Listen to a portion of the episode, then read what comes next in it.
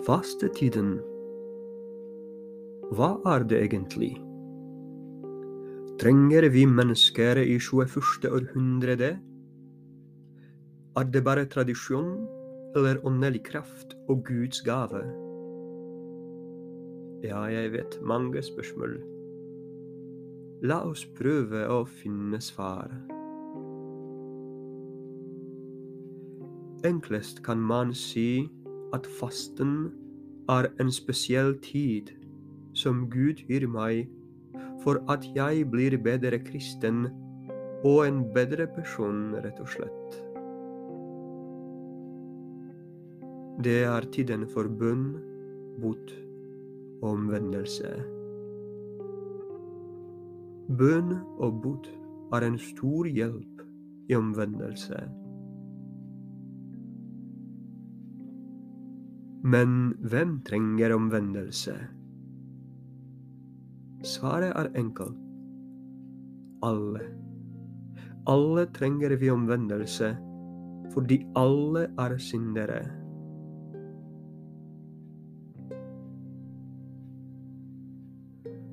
Dessverre, i dagens verden tror mange mennesker at det ikke finnes noen synd så de lever som de vil. Men vi snakker ikke om andre, men om oss. Hellige Johannes sier i sin første brev veldig talende Sier vi at vi ikke har synd, da bedrer vi oss selv, og sannheten er ikke i oss. Vi begår synder fordi Satan aldri vil slutte å friste.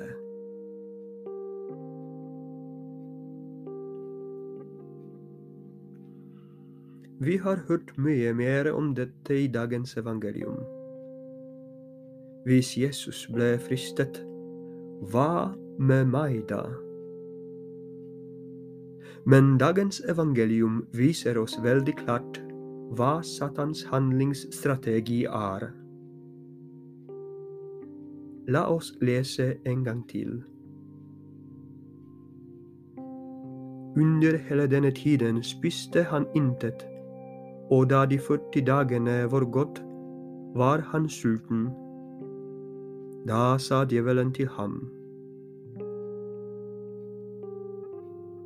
Så smart. Djevelen ventet 40 dager fordi han visste at Jesus blir sulten.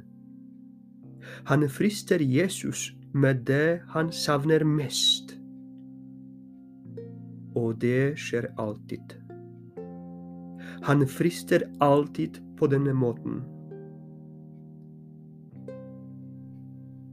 Men hva gjør Jesus? Han gir et kort svar. Det står skrevet, det er Herren din Gud du skal hylle, og ham alene du skal tjene. Slutt. Punktum. Ingen diskusjon. Jesus krangler ikke med Satan. Med fristelsen er det som med en farlig hund på en lenke. Så lenge du ikke kommer for nær, er du trygg. Men hvis du kommer nærmere, vil den bite deg.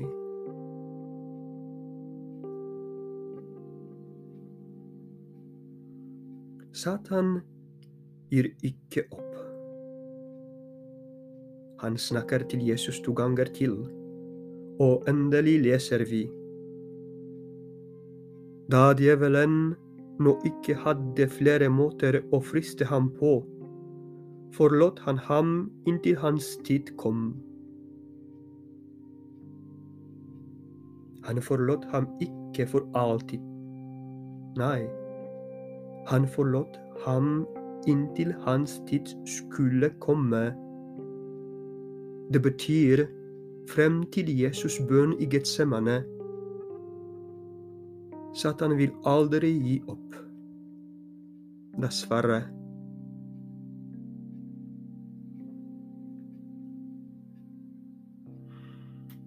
Men denne situasjonen er ikke håpløs. Hva kan jeg gjøre? Jeg har mange alternativer. For eksempel samvittighetsransakelse. Jeg lurer på hva jeg gjør galt.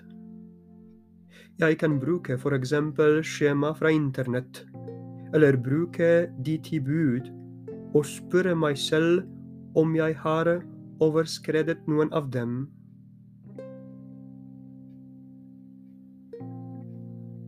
Det er veldig viktig, fordi det er stor fare for at jeg venner meg til synd. Det er som med en stein i en sko. Hvis jeg ikke kaster den ut, blir jeg vant til den. Ja, selvfølgelig, jeg kan gå videre, men det blir ikke behagelig.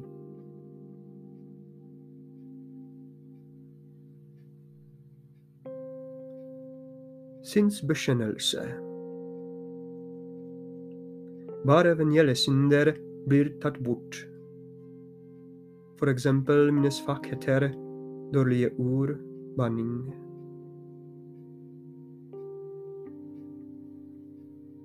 Skriftemål. Det er det viktigste. Jesus sa til apostlene Dersom dere tilgir noen syndene deres, da er de tilgitt. Dersom dere fastholder synder for noen, er din fasthold.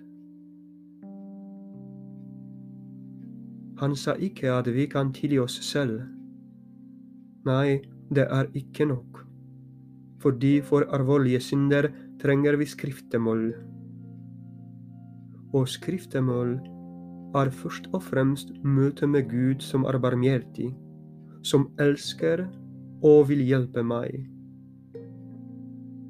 Det er ingen straff. Det er hjelp.